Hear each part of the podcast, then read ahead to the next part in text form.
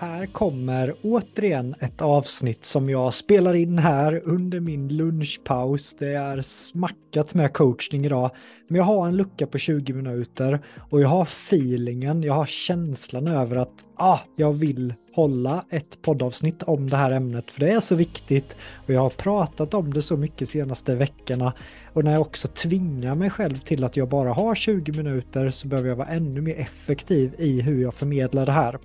Men det här avsnittet har jag döpt till Så går du från anställd till egen utan ekonomisk osäkerhet. För många tror att det bara hände över en kväll för mig. Att ja, ah, men Jonathan, det är så enkelt för dig. Du hade ju ditt koncept och du, du känns som gjord för det här. Men, men så, så är det ju faktiskt inte. Och med det här avsnittet vill jag öppna upp för hur lång tid det faktiskt tog för mig innan jag kunde stå helt på egna ben. För som jag ser det så finns det två vägar. Antingen tar man en hög risk med att gå från en anställd trygghet till att bli företagare. Antingen tar man en hög risk, bara kapa bandet, man kör, man, man testar. För vissa personer funkar det direkt, för vissa inte.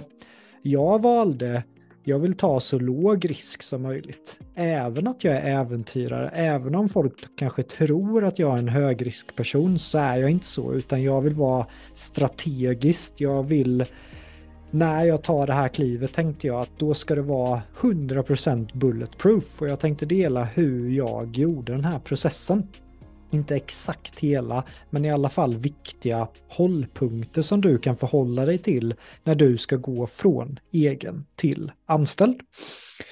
Så det första som jag skulle tänka på och som jag själv gjorde, det är att i det jobbet du har nu vad kan du utveckla för skills som du sen vet att du behöver som företagare?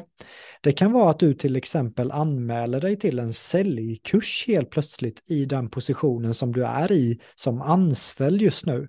Eller du går en kurs inom sociala medier eller du går en kurs på jobbet via marknadsföring och börjar bidra med sådana verktyg till din arbetsgivare. Det gjorde jag i Försvarsmakten. Jag var ju soldat. Och det, för det första så kunde jag inte ens först anmäla mig till sådana grejer. Så det jag gjorde som soldat, det var att i marschledet när vi vandrade långa sträckor så körde jag min föreläsning för personer i marschledet för att jag kunde då träna på att föreläsa under arbetstid. Så det var ju flera föreläsningar om dagen som jag fick mängdträning på.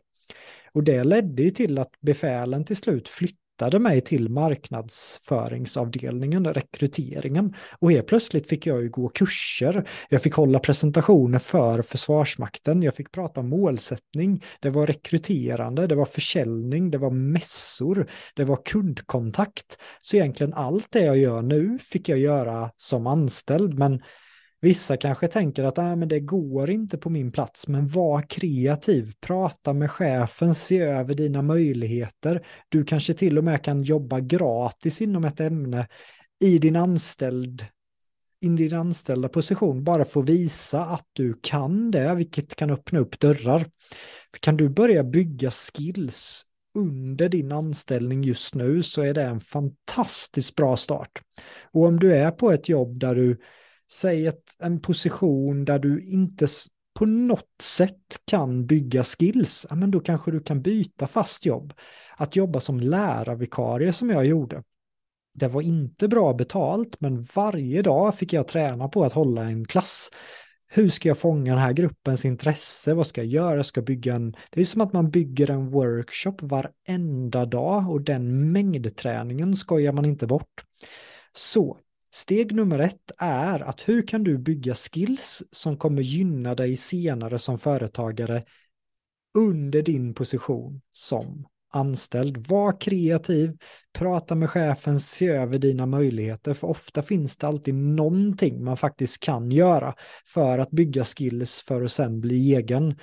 Men absolut kan du på något sätt jobba med försäljning så är det tveklöst en fantastisk skill för dig att kunna ha sen som företagare eftersom att det är just där många inte klarade kopplat till att sen vara egen. Andra steget så skulle jag göra allt jag kan till att få ner sin tjänst från 100% till 75%. Och det innebär ju också att i början av en anställning eller när man har sin anställning innebär det ofta i början att man får jobba på helger eller på kvällar, registrera sitt bolag, ta möten, man kanske får ta möten på sin egna lunchtid, träffa människor. Men när jag kunde få loss en dag i veckan så var det oerhört kraftfullt att få ha en hel dag. Jag kunde åka till Stockholm, åka till Göteborg, nätverka, hålla gratisföreläsningar, vara med på andras lunchwebbinar. Så just att få loss den där en dag i veckan, den kommer göra gigantisk skillnad för att när man jobbar på kvällar och allting, om man har ett hundraprocentigt jobb, så är det tufft. Det är, man har ju bränt ut sin energi ofta mellan 9 till 5 och sen att sätta sig på kvällen, det är jobbigt. Men den dagen man får loss en hel dag, helt otroligt.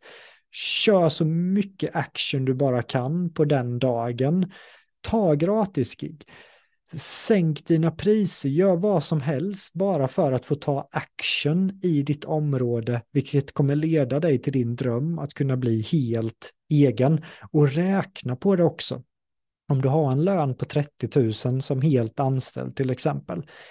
Vad behöver du då tjäna som företagare på en dag i veckan för att det ändå ska gå jämnt ut? Och ofta är det betydligt mindre än vad man kanske tror med en dag. Det är väldigt vanligt att även en nybörjare kan ta 20 000 för en föreläsning om man bara får till rätt paketering och, rätt ämne. Men bara den en föreläsning på fyra dagar i månaden som du kan jobba på det skulle ju kunna skapa ganska många en dag i veckan. Så att om du verkligen gör matten och räknar på det så är det också rätt skönt mentalt att veta att jo men det här behöver jag ändå dra in som företagare. Är det möjligt om jag lägger fyra heldagar i månaden? Och det skadar heller, heller absolut inte att ha en buffert så att när du är helt egen, att du sätter av pengar för att kunna få göra det där i några månader i alla fall, så att du inte blir superstressad direkt när du går ner i tjänst. Men jag tycker det är en, viktigt, en viktig del i det att ta en dag i veckan till att börja med till att vara egen. Och det var exakt så jag gjorde med Försvarsmakten. Jag pratade med min chef, jag sa som det var. Jag driver eget, jag skulle vilja jobba 75 procent. Men det betyder inte att jag kommer ge järnet i försvaret när jag är där, de här 75 procenten. Så med den kommunikationen så fick jag loss en dag i veckan till mitt bolag. Och det gjorde som sagt väldigt stor skillnad. Och sen är det ju absolut inte alla jobb som det går för, men det var så jag gjorde i alla fall. Och jag fick också höra att nej, men det går inte i den rollen, men om man har en bra relation med sin chef så finns det ofta flexibilitet kopplat till det. Nummer tre, då brukar jag tänka att antingen går man från 75 procent att ja, men om man känner att det börjar ticka in uppdrag under den här heldagen, då är det ett gott tecken på att man kan ta nästa kliv. Antingen gå ner till halvtid eller kapa helt. Om du ser till exempel att du kan fakturera 25 000 i månaden på en dag, i veckan så är det ett väldigt gott tecken på att du kommer kunna få en liknande summa på kontot som du fick av din fast anställning. Men jag brukar passa mig för att tänka så att ja, men jag ska tjäna det jag tjänade på min fasta anställning för då kan det bli att ja, bra, då gör du det som krävs för att få det och sen pausar. Och sen kanske kommer några månader där det går sämre, som under sommarledigheten och hela rubbet. Och då kan det bli stressigt. Så sikta högre såklart än det du har fått under din anställning. Så att du också har marginaler som kan skapa trygghet även för perioder där det inte går lika bra. Så att gå från 75% till eh, egen kan vara ett steg om det tickar in affärer man kan också välja att gå till 50 procent, men du behöver inte stressa här. Låt det ta ett år. Jag såg en film, film eh, en serie där det var ett eh, personer i Spanien, de skulle råna en bank. Det blev väldigt känd, men jag har tappat namnet nu. Och då sa den här eh, ledaren i gänget att ah, men nu kommer vi spendera några månader här med att gå igenom det här rånet. Och då räckte en person upp handen och sa, vadå några månader, får vi inte betalt för det? Han sa nej, men folk lägger ju fem, sex år universitetsutbildningar till att få en lön på det här. Och det jag ber om nu är några månader för att sen kunna bli ekonomiskt fria för resten av ditt liv. Och det här är väldigt viktigt tycker jag för föreläsare, coacher, konsulter att tänka på att att lägg några år. Alltså bygg skills, tänk långsiktigt. Varför ska inte du kunna lägga fyra år av ditt, av ditt liv för att kunna få en lön på en halv miljon i månaden? Vad är det för fel med att lägga några år på att faktiskt ha mycket mindre pengar för att sen kunna leva på din dröm? Tänk långsiktigt, det behöver inte hända nu. Det måste inte ta en månad till att kunna leva på sin dröm, för det är få personer som gör det. Ofta är det de som har tänkt långsiktigt, de som har haft orken till att år efter år efter år trumma på.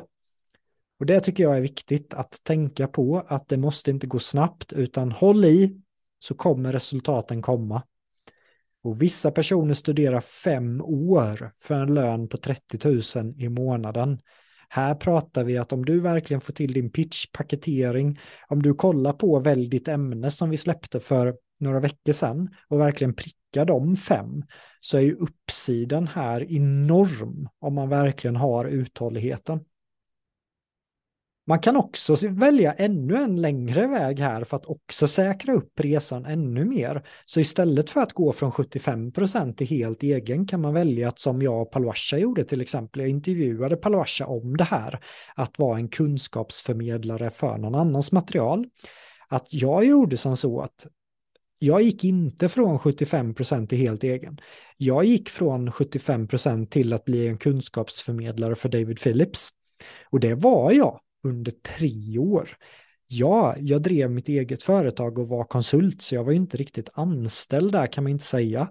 Men jag körde ju Davids material, jag körde hans föreläsningar, jag fick vara en del av hans team, jag fick se hur han jobbade, hur han prissatte sig, hur han körde sina kurser, hur är det bakom kulisserna.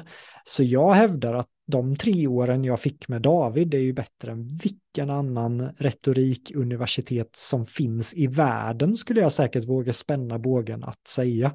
Så de tre åren blev ju som en utbildning för mig för att också kunna göra det jag gör idag helt egen. Men jag behövde inte ha press på mig i början att jag måste skapa något nytt, jag måste skapa något revolutionerande. Och det här var väldigt skönt att jag jackade in i ett koncept som redan var etablerad och blev riktigt, riktigt bra på att köra det för andra. Och så gör ju Palwasha med Bob Proctor till exempel. Så man kan ju kolla på vilka är de tyngsta i Sverige? Behöver de hjälp med någonting? Behöver de personer som kan sprida deras budskap som ambassadörer? Så är man som mig som var lite mindre riskbenägen så är det ett fantastiskt kliv tycker jag till att säkra upp sig själv för att kunna bli egen ännu bättre. Och det kom ju en gräns där med David där jag kände att jag älskar hans material, men det står, det är inte riktigt Jonathan. Jag älskar innehåll, jag älskar försäljning, jag älskar paketering och, och det började födas fram för mig under den här processen. Och då körde jag återigen det här välj ditt ämne som vi släppte ett avsnitt precis om med miljonkursen. Hur mycket går jag igång på det affärsmässiga med för föreläsare och coach? 10 av 10. Hur går andra föreläsare och coacher igång på när jag pratar om hur man kan sälja in sina tjänster, fylla sin kalender, jobba med funnels? Folk blev i extas. Okej, okay, har jag någon unik twist på hur jag kan lära ut det här? Ja, jag för sjutton att jag har. Har jag förtroendet? Ja. Så att jag började ju köra och testa det här materialet innan jag vågade lämna David. För när jag väl lämnade David så visste jag att miljonkursen, det är ju verkligen en kurs som så många människor är väldigt, väldigt taggade på. Så när jag väl blev egen, och det här var så en process då ju på, på sex, sju år från Försvarsmakten åtta år till och med, från Försvarsmakten till att jag blev helt egen. Och det kan vara viktigt för folk att höra att det tog mig åtta år till att jag vågade bli helt egen. Jag tog mina första betalda föreläsningar, ganska bra betalt redan som 20-åring, men det tog så många år innan jag kände att jag kan bli helt egen på den nivån jag vill agera på. Och kunna ha en koordinator, kunna ha ett team, kunna ha en bra lön, kunna ta bonusar. Det tog mig åtta år. Genom att följa de här stegen. Nummer ett, ett fast jobb där jag kan bygga mina skills. Nummer två, kan jag få ner så att jag får loss en dag i veckan och verkligen räkna på det och ändå få in pengar under den dagen. Kan jag sen bli en kunskapsförmedlare för andra genom att lära känna branschen ännu mer, kunna lära mig från mentorer och kan jag sen välja ett ämne träffsäkert under den tiden som jag kan testpitcha och se innan jag helt tar det egna klivet. Så det här var ett avsnitt om att gå från anställd till egenföretagare. Skicka gärna ett meddelande till mig på LinkedIn vad du tyckte om det här avsnittet. Och om du gillar det så upp, uppskattar jag verkligen när du printar en bild på avsnittet, lägger upp en Insta-story och, och skriver vad du tyckte om det här avsnittet. Det här är helt rå. Jag spelar in det här, hade förberett mig fem minuter för det här avsnittet. Så men jag gillar det. Jag fick också responsen att folk gillar den här äktheten, att jag har inte ord för ord nu, utan jag pratar från hjärtat, jag pratar från erfarenheter och jag hoppas att det här gav dig som föreläsare, coach eller frilansare värde till att kunna gå från egen Sorry, nu kom det. Från att kunna gå från anställd till egen. Ha en fantastiskt bra dag allihopa. Hej!